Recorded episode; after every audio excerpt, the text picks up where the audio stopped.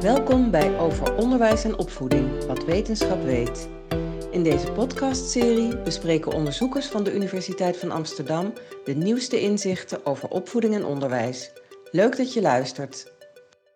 En in deze podcast gaan we het hebben over de ontwikkeling van het geweten en jeugddelinquentie.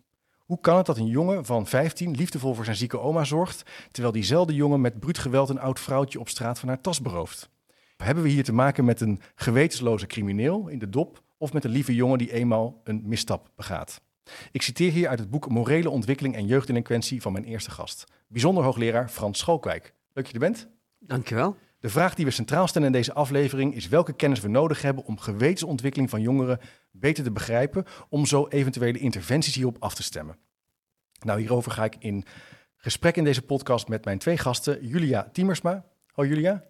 Hoi. Leuk dat je er bent. Jij werkt inmiddels 14 jaar als kinder- en jeugdpsycholoog in de specialistische geestelijke gezondheidszorg, onder andere bij de Bascule.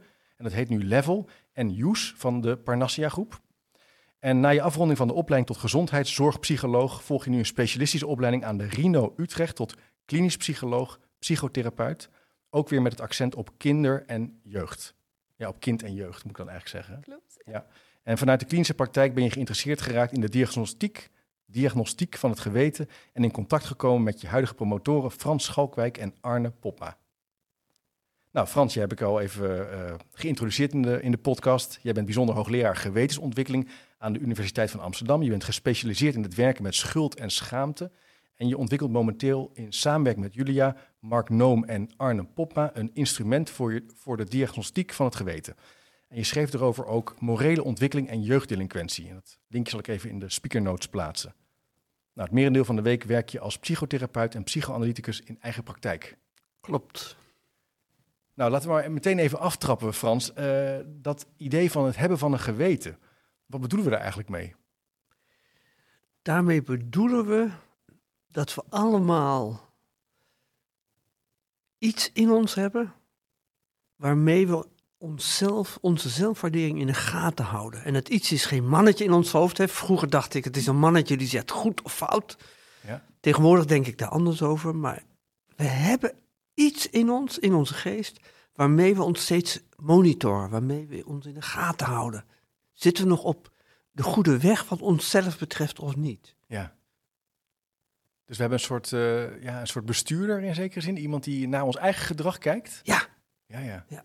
Dus ja, dus iets wat op de achtergrond steeds meekijkt, ja. is wat ik nu doe, of wat ik nu denk, of wat ik nu fantaseer, is dat hoe ik wil zijn? Ja. Oh ja, en, en Julia, ik was hier naartoe aan het rijden en toen had ik een heel klein beetje haast en toen uh, heb ik een oranje stoplicht uh, gepakt. En toen dacht ik daarna, oeh, dat had ik eigenlijk misschien beter niet moeten doen. Is dat dan hetzelfde? Is dat zoiets van een, iets, iemand die naar mij kijkt, in zekere zin in mijn eigen hoofd, die dan zegt, ja, ja toch, zoveel haast heb je ook weer niet. Mm -hmm. Moet ik daaraan denken? Nou, ik, dus om weg te blijven met dat iets of iemand, denk ik dat het mooier is om te zeggen dat het een functie is. Dus een functie die op bepaalde gebieden, gestuurd door bepaalde gebieden functioneert.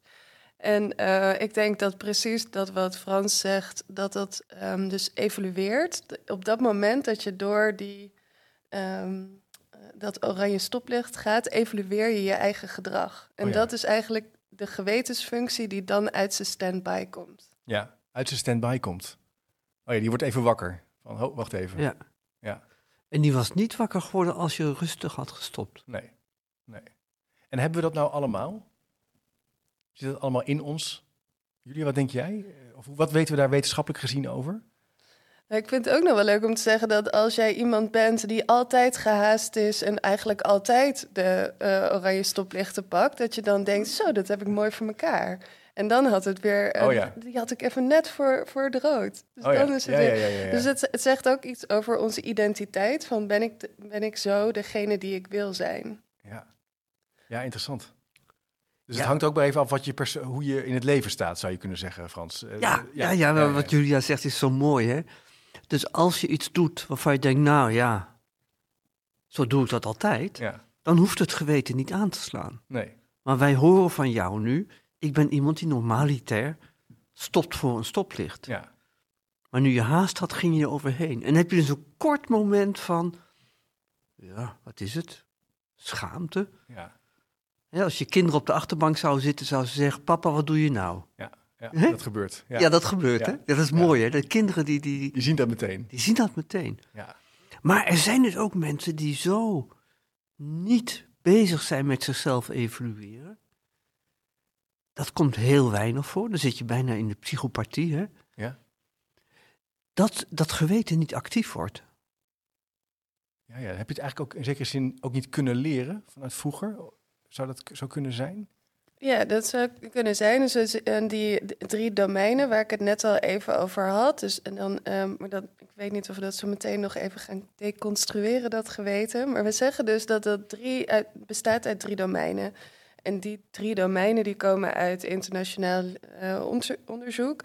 En ehm, eh, die hebben we samengebracht. En op basis van dat theoretisch raamwerk hebben we die ehm, theorie van het geweten opgebouwd. Hm. En als we zo meteen gaan hebben over het instrument dat we daarvoor maken, dan komt dat dan weer terug. Ehm, maar die drie domeinen is dan empathie, de zelfbewuste emoties en de morele ontwikkeling of de morele evaluatie.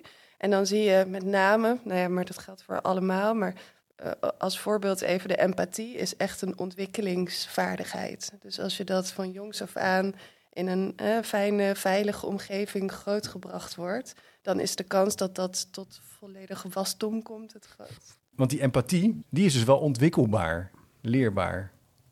Ja, en datzelfde geldt ook wel voor die andere domeinen. Ja, Dus de zelfbewuste emoties, eh, zoals eh, schaamte, schuld, maar ook trots. Dat is ook iets van hoe ga je ermee om, maar ook hoe gevoelig ben je daarvoor. Dat is ook wel in de aanleg Ah. bepalend. oké. En waarom, eh, want jullie eh, focussen je ook op, op, op jongeren die dus een misstap hebben begaan. Die misschien in aanraking zijn gekomen met de politie. Ja. En dus weer ja, terug in de samenleving komen of met een rechter in aanraking zijn geweest. Ja, zeker. Kan je iets zeggen over wa- wat jullie dan zien als het gaat over die gewetensontwikkeling en hoe je dat ook bestudeert? Want dat lijkt me ook nog wel een heel ingewikkeld verhaal. Dat, ja, eerst je, eerst je eerste ja, vraag. eerst de eerste vraag. Ehm, je zei het al in de inleiding. Hoe kan het dat een jongere van 15 voor zijn oma zorgt en een oud vrouwtje berooft? Ja, Daar heb je het eigenlijk al aangekaart. Wat kan is dat een jongere op bepaalde gebieden wel degelijk empathisch is en zich bijvoorbeeld ook zou schamen naar zijn moeder toe voor wat hij heeft gedaan. Maar hij kan dus tegelijkertijd op een, in een andere situatie iets doen, zoals iemand beroven, waarover hij die schaamte niet voelt en waar hij dus geen empathie voelt naar een onbekende vrouw. En dat komt omdat het geweten vrij vloeibaar is. Als, als je iemand niet kent, als het in een anonieme situatie is, als je drugs hebt gebruikt of alcohol. Er zijn allerlei eh, invloeden die maken dat het geweten niet zo straightforward is. Dat het niet altijd op dezelfde manier werkt. En dat is het fascinerende als je dus werkt met jongeren die delicten plegen. En we werken met jongeren tussen de 13 en de 18 meestal, soms tot 23. Wat je dus ziet is dat ze soms best hele gezonde stukken hebben. En daarnaast in de ontwikkeling is er iets misgegaan waardoor ze dus delictgedrag kunnen plegen. Hm.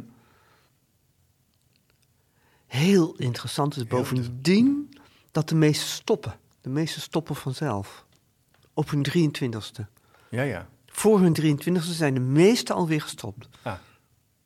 Dus het heeft te maken, waar zou, hoe, hoe zou je dat dan verklaren? Dat dat dan blijkbaar stopt langzamerhand? Dat heeft te- veel te maken met de externe realiteit. Dan hebben ze vaak werk, Ja. dan hebben ze een vriendin, dan lopen ze, zijn ze minder op straat. Ze richten zich veel meer op de relatie dan op een vriendengroep.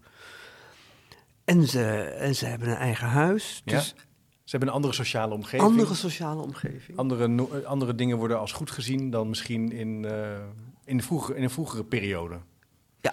Maar Julia, jij zei in het begin ook dat eh, sommige dingen ook ja, niet aangeboren, zo zwaar zei het niet, maar sommige dingen zitten misschien ook wel een beetje in je.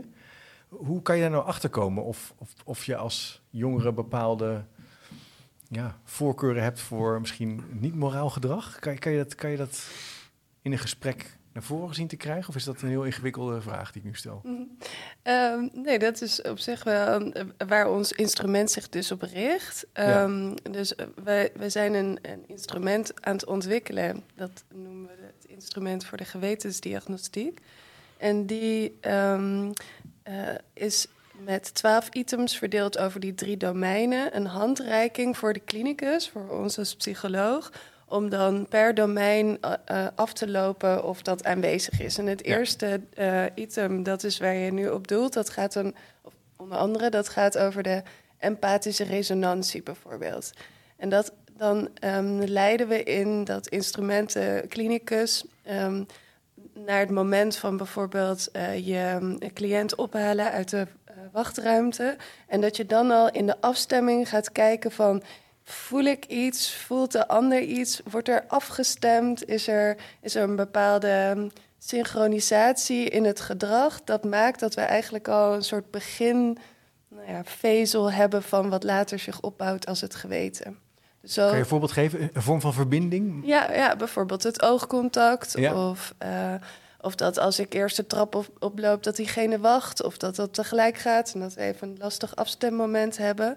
Maar tot ook in de spelkamer bijvoorbeeld, dat eh, eh, er een moment kan zijn waarop ik doe alsof ik mezelf bezeer. En dat ik dan kijk hoe de ander daarop reageert. Ah, eigenlijk om kijken of er een soort verbinding, wederkerigheid ontstaan. Een Ja. soort eh, oplettendheid op elkaar. Ja, En dat kan je dus eigenlijk al meteen al ja, bestuderen. Ja, en, en, dat is, en daar helpt het instrument zo mooi in om daar dus zelf als klinicus sensitief voor te worden. Ja.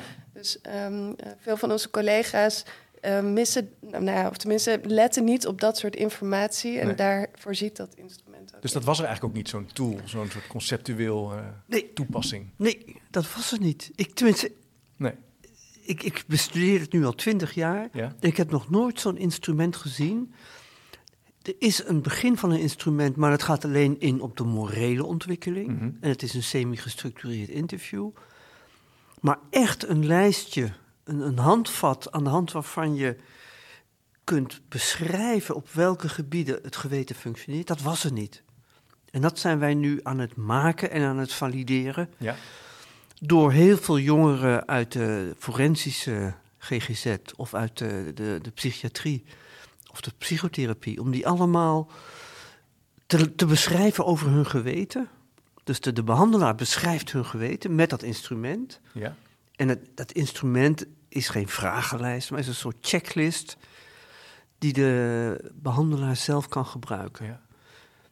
En daarnaast vragen we aan de jongeren om vragenlijsten in te vullen over die gewetensdomeinen. Oh ja? Dus ja. we vragen ze vragenlijsten in te vullen die empathie meten, die eh, zelfbewuste emoties meten.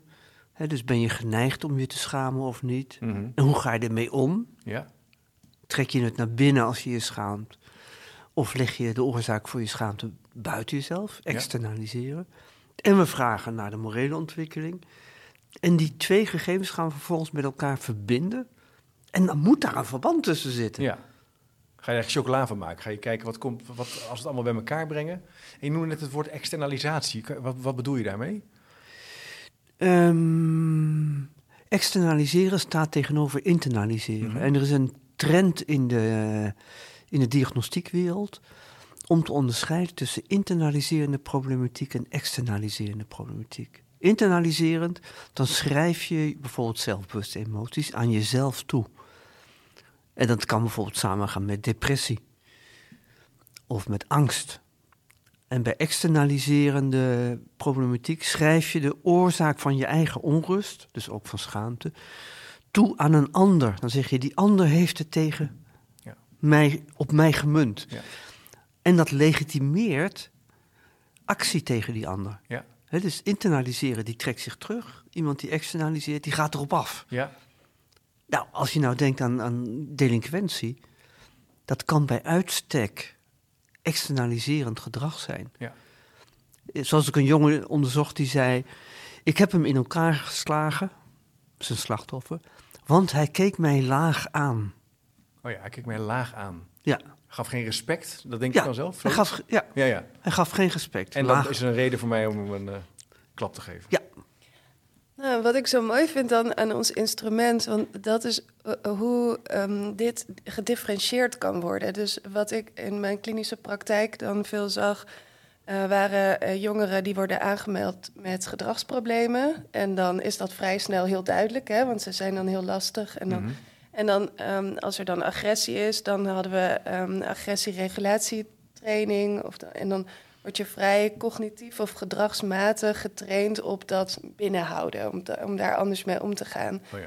En wat ik mooi vind, als, we, als dit instrument in de diagnostiek kan worden toegepast, dan kun je dus iets um, gedifferentieerder kijken naar die agressie. En dan kun je dus kijken of er misschien ook sprake is van een uh, lastige coping op die uh, schaamte of schuldgevoelens. Ja. Of Ja. dat de empathie lastig gaat. En zo kun je die groep dus wat beter. Ja, ja, ja. ja. ehm, Het wordt specifieker ook. ja, En misschien, maar dat vul ik dan zelf in, dat je ook wat beter kan snappen als het om jezelf gaat, wa- wanneer ik mogelijk in een moeilijkere situatie zou kunnen komen. Van, oh, dit is typische, of is dat, gaat het heel ver? Dat ik weet, ja, dit soort type situaties zijn voor mij eh, lastiger, want Ja. dat triggert bepaalde eh, Ja. ja, patronen, denkpatronen bij Ja. mij. Ja, maar dan, en, en dan verwijs je dus eigenlijk al vooruit naar, als je dit nou weet, Ja, hoe het geweten in Ja. elkaar zit, wat zou je dan kunnen doen? ja, ja. Dankjewel, dankjewel. Ja, Ja. ja, Ja. ja. Ja, dus dat, dat is een van de belangrijke aspecten van dit instrument. Eh, diagnostici moeten een uitspraak doen over hoe kun je een jongere helpen. Mhm. En voordat dit instrument er was, zeiden ze over het geweten. Bijvoorbeeld, hij heeft een lacunair geweten of hij heeft een zwak ontwikkeld geweten. Ja. Wat eigenlijk geen informatie biedt. Terwijl- stempeltje. Een stempeltje. Terwijl nu kun je zeggen, het geweten functioneert niet optimaal. En het zit bij deze jongen vooral in, Ja. bijvoorbeeld dat hij schaamte externaliseert. Ja, ja. Of dat, hij, dat zijn empathisch vermogen slecht ontwikkeld is. Ja. Omdat hij onveilig gehecht is. En heel veel van die delinquente jongeren hebben trauma's meegemaakt in hun jeugd. Dus die weren empathie ook af. Dus dan kan je, je kunt veel gedifferentieerder gaan Ja, ja, kijken. ja. En dus ook veel gedifferentieerder indiceren voor een behandeling. Je komt er natuurlijk ook, eh, mooi gezegd, dat je er eigenlijk achter komt dat zo'n iemand al heel veel dingen heeft meegemaakt die ertoe leiden dat hij zo is geworden.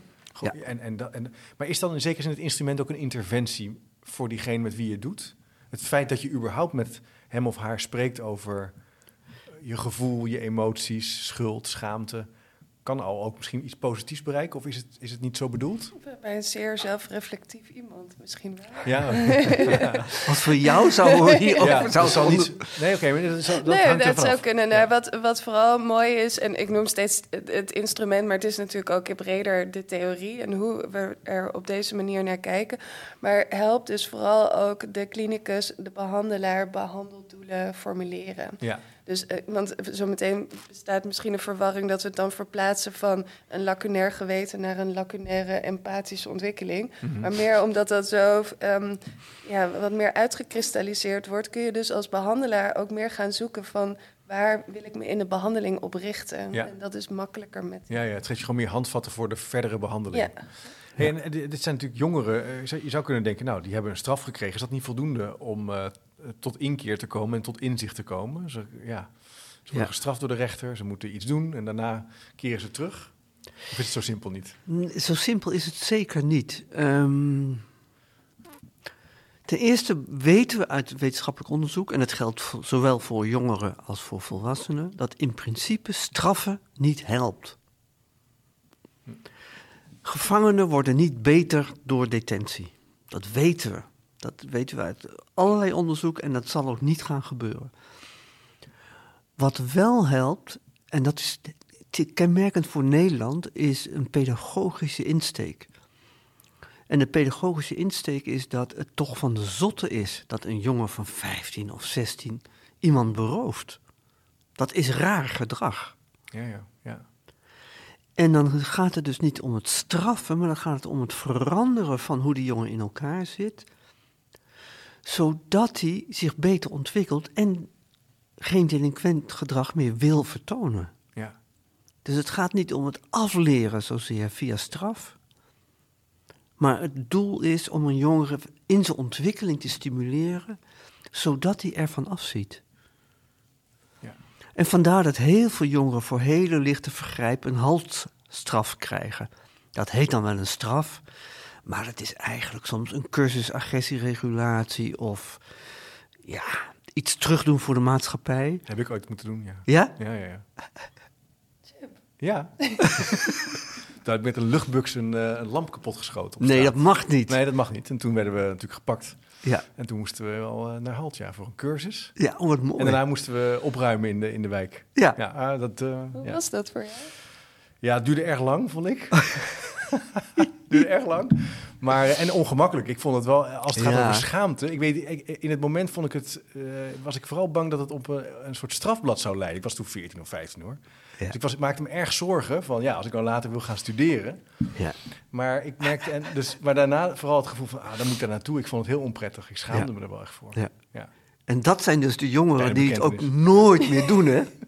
Dat is zo geestig. Nee, ik heb daarna nooit meer... Nee, Nee, nee, is nee. misschien wel waar, ja. Dus Terwijl wij ontmoeten jongeren die zeggen scheid. We gaan gewoon door. We gaan gewoon door. Ja, dus voor een licht vergrijp kom je dus eigenlijk best wel in een heel serieus doordacht traject. Ja, Dat is al wel weer 20 jaar geleden. ja maar dat bestaat nog steeds. Maar het bestaat nog steeds. Ja, ja, ja. En dat is dus bedoeld om eigenlijk je te helpen om tot inkeer te komen, tot reflectie te komen. Ja, ja, Ja. ja, ja, oké. Ja, interessant. Mooi, hè? Ja, Ja. ik zou dat nooit gedurfd hebben vroeger. Nee? Nee. Was ook eigenlijk, ik werd aangestuurd door mijn eh, vriendje. Ja, ja, ja, ja, ja. En dus het, eh, wat ik wel interessant, want in het begin van het gesprek zeiden jullie ook van ja, het is eigenlijk wel opmerkelijk dat zo iemand bijvoorbeeld eh, een tas berooft van een oude mevrouw, want na zijn 23e doet hij het niet. Toch wordt hierop ingezet om diegene eigenlijk te helpen en te- om, om opnieuw te kijken naar zijn leven. En, en, en dat die tool, het instrument is daar eigenlijk een, een heel mooi kader voor, hè, voor verdergaande hulp. Ja. Ehm, je zou kunnen zeggen, wacht het gewoon af tot na een 23e? Nee, zeker niet. Kort door de bocht. Zeker niet. Ehm, want dan zou je ook tegen een jongere die niet meer naar school wil kunnen zeggen... nou, weet je joh, tegen de, als jij weer wil gaan studeren... dan ga je toch, kies je zelf maar wanneer je wil naar Ja, school ja. wil. Nee, want het feit dat iemand dit kan... kan toch wel echt wijzen op een, een verstoorde ontwikkeling. Ja, En dat is dat pedagogische aspect waar ik het net over had. ja, Je wilt toch niet dat iemand met die verstoorde ontwikkeling... de, de volwassenheid ingaat. mhm. Dus als je kunt bijsturen, ter, ter preventie bijvoorbeeld van eh later kindermishandeling of partnermishandeling of toch doorgaand eh, delinquent gedrag. Dus ter preventie en ter bevordering van de ontwikkeling ja, van de jongeren wil je toch ingrijpen. ja. Wat ik ook wel mooi vind aan de andere kant van dit instrument is dat we als eh SGS, eh, specialistische geestelijke gezondheidszorg, eh, ook vaak zien dat ouders of verwijzers heel erg ongerust zijn over de ontwikkeling. En dan met name ook de morele ontwikkeling of de gewetensontwikkeling. En dat dan dit instrument ook kan helpen met advies te geven of te, een consulterende Ja, ja. functie te hebben. Om te zeggen dat het goed in elkaar zit. Of Ja. dat het op de meeste vlakken wel goed ontwikkeld is. Ja, precies. Dus dat, oké. En in, het- in, de, in die eerste onderzoekfase hebben jullie ook interviews gedaan hè, met experts. Wat, wat is daar nou uit, voor, uitgekomen? Want het is natuurlijk ook een interessant onderzoeksgebied om daar ook met experts over in gesprek te gaan. Ja, dat was, dat was heel leuk. We hebben heel veel klinische eh, ervaringskennis kunnen verzamelen en ook kunnen horen. Dus dat was op zich al eh, heel fijn en verrijkend. En ehm, ja, we hebben dat eh, geordend en geanalyseerd en aan de hand van eh, kwalitatieve onderzoeksmethoden eh, in kaart gebracht en gezorgd dat de meeste van die kennis ehm, in het instrument terecht is gekomen. Ja. Dus bijvoorbeeld eh, hoe externaliserende coping op schaamte te herkennen. Hoe herken je dat in de ruimte? Hoe kun je dat uitvragen? Hoe kun je dat soms ook een beetje uitdagen? Dat vond ik erg leuk om Ja, te horen ja. hoe sommige van onze collega's daar echt manieren voor hebben om dat eh, ja, uit te dagen. Ja, want dat vind ik dus ook interessant. Want het gaat, het gaat dus verder dan een vragenlijst afnemen, maar je kan dus ook Ja, eh, je per ongeluk ja. doen alsof je je Ja. bezeert. Exact. En zo eh, interviewde ik een, een psychiater die vertelde hoe die dan vaak met z'n tweeën naar zo'n diagnostiekgesprek gaat. Dus bijvoorbeeld in de gesloten jeugdinrichting. En dat, ehm, eh, dat eh, de ene collega dan wat meer van nou ja, een, een wat empathischer doorvroeg. En dat hij zich dan meer inzette, eh, die wat meer uitdaagde. Dus wat meer van, vind je dat normaal? Of eh, nou, dat doe je toch niet? Oh. Of om dan te kijken hoe die stressregulatie of ook dan de reactie is. Good cop, bad cop, Ja. achtig idee. Ja, dat was erg leuk. Niet dat we dat nou helemaal in het instrument hebben overgenomen, maar zeker ook wel elementen daarvan om, te, Ja. om te kijken. Het gaat echt over verder kijken dan alleen eh, ja, een interviewlijst afnemen, maar echt zoeken. Een beetje puzzelen. En wat zien Ja. we als ik bepaalde dingen doe? En als ik Ja. bepaalde dingen op tafel leg om te bespreken misschien ook? Ja, dus het is, je zegt het heel, heel goed. Het is, het is zelfs expliciet geen vragenlijst. Je neemt niet item voor Nee, item die nee, lijst door. Nee. Je gaat gewoon in gesprek en je, en je vraagt aan ouders en je vraagt aan leerkrachten, mentoren over de jongeren. En wat je echt op klinische ervaring, wat je oppikt, dat ga je opschrijven. Ja. En daarbij word je geholpen door de ordening die wij in, die, in het instrument hebben aangebracht. Ja, ja. Dus het, geeft, het is eigenlijk een beetje tegen de huidige tendens in om alles met vragenlijsten te meten. En, eh, ja, is dat zo? Ja? ja, zeker in de psychologie wordt het toch? ja. Meten, meten, meten. Ja, met afbreekscores en eh, daarboven heb je het wel en daaronder heb je het niet, toch? Ja. Ja. Ja. ik herken dat ook wel. Toch een neiging ook in de onderwijskunde om alles te, te kwantificeren. Terwijl ja. Ja. toch soms zie je toch ook veel meer als je gewoon, ik was vanmiddag gewoon in een les gaan kijken.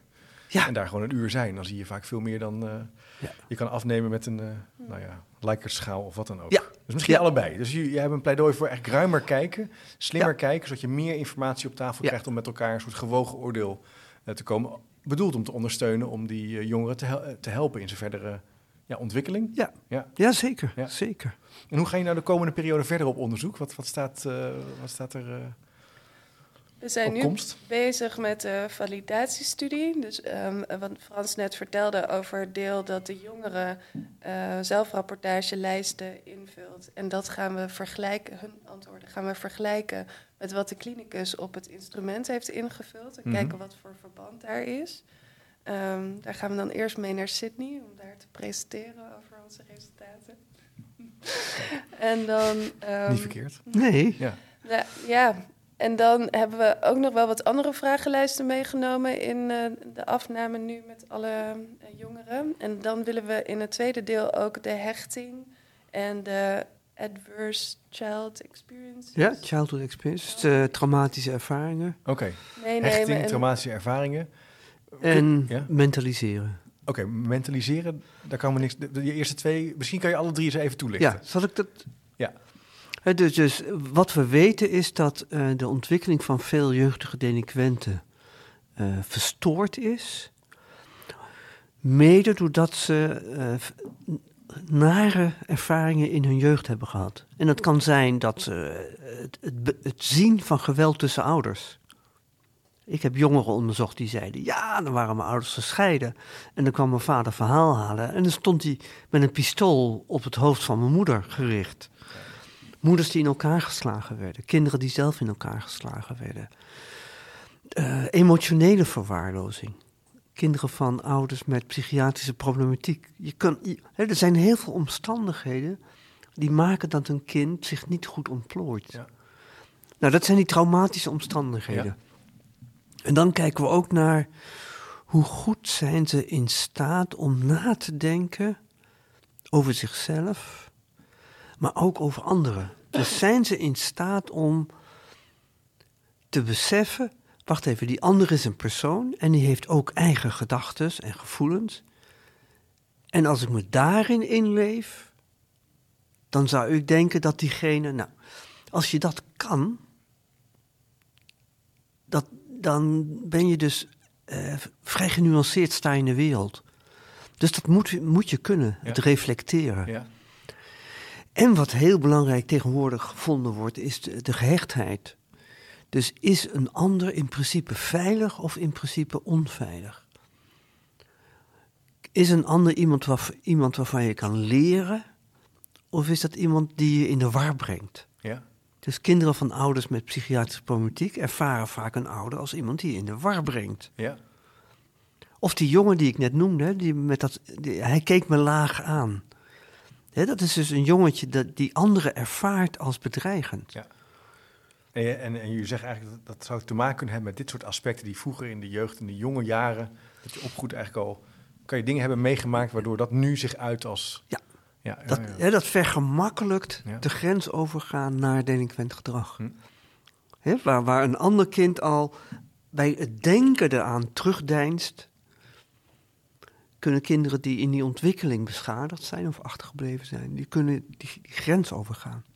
Goh. Zeker als ze meegenomen worden door leeftijdsgenoten. Ja, en, dan, en dan denken we dat dat invloed heeft op die drie domeinen. Want de drie domeinen blijven dan de functie, of het functioneren van het geweten. Dus dat blijft, maar dan kijken we wat daar dan op invloed is. Ja. En ik vind wel, jij vroeg net over de ontwikkeling van bijvoorbeeld empathie. Maar bijvoorbeeld als de ouder wordt ervaren als iemand die je in de war brengt. ehm, dan kun je je voorstellen dat bijvoorbeeld de, ehm, de coping op eh, zelfbewuste emoties zoals ehm, schuld en schaamte, dat dat natuurlijk een heel ander ja, effect ja. geeft. En dat je dan ziet dat het dus ook lastiger werkt als functie naar het geweten. ja. Maar heel belangrijk om hier met jongeren ook eh, aan te werken, denk ik. Hè? Heel wezenlijk als je dit. eh, ja, het, het gebeurt natuurlijk steeds. Het kan gewoon gebeuren dat jongeren niet een, een, een- ja, een valse start eh, hebben in het leven. En eh, ja, dan kan je iets doen wat over de grens gaat. Maar dat beter begrijpen is wel heel cruciaal natuurlijk om ze te Ja. ondersteunen. Dat, dat vraagt wel slimme ja, instrumenten, zou je kunnen zeggen, om hier onderzoek naar te doen. En Ja. voor alle manier van kijken. Hè, dat is wat jij, Julia, ook zo benadrukt. Hè. Het is een manier van kijken Ja. Die in de wereld van gedragstherapie niet zo gebruikelijk is. Waar je veel meer denkt in termen van aangeleerd en afgeleerd. Ja. In Ja. plaats van zo, zo is het ontwikkeld. Ja, En zo is het verbonden met andere aspecten van je persoonlijkheid. fascinerend. En wat ik heel mooi aan vind, is ook de, de brug tussen onderzoek en praktijk. Hè? Dit is echt een praktijkvraagstuk en een onder... Het is ideaal. Ja, is Die is wel- echt, dit is nou echt praktijkrelevant onderzoek. Ja. Superleuk. Bedankt voor jullie tijd. Interessant om hierover met jullie van gedachten te wisselen. Ik zal de linkjes die we eh, bespraken en de bronnen die eh, naar voren kwamen ook even in de speaker notes zetten. Als je geïnteresseerd bent, kan je daar zeker naartoe. En vergeet niet te abonneren op de podcast, dat je geen aflevering mist. Eh, ik zou zeggen, tot de volgende keer.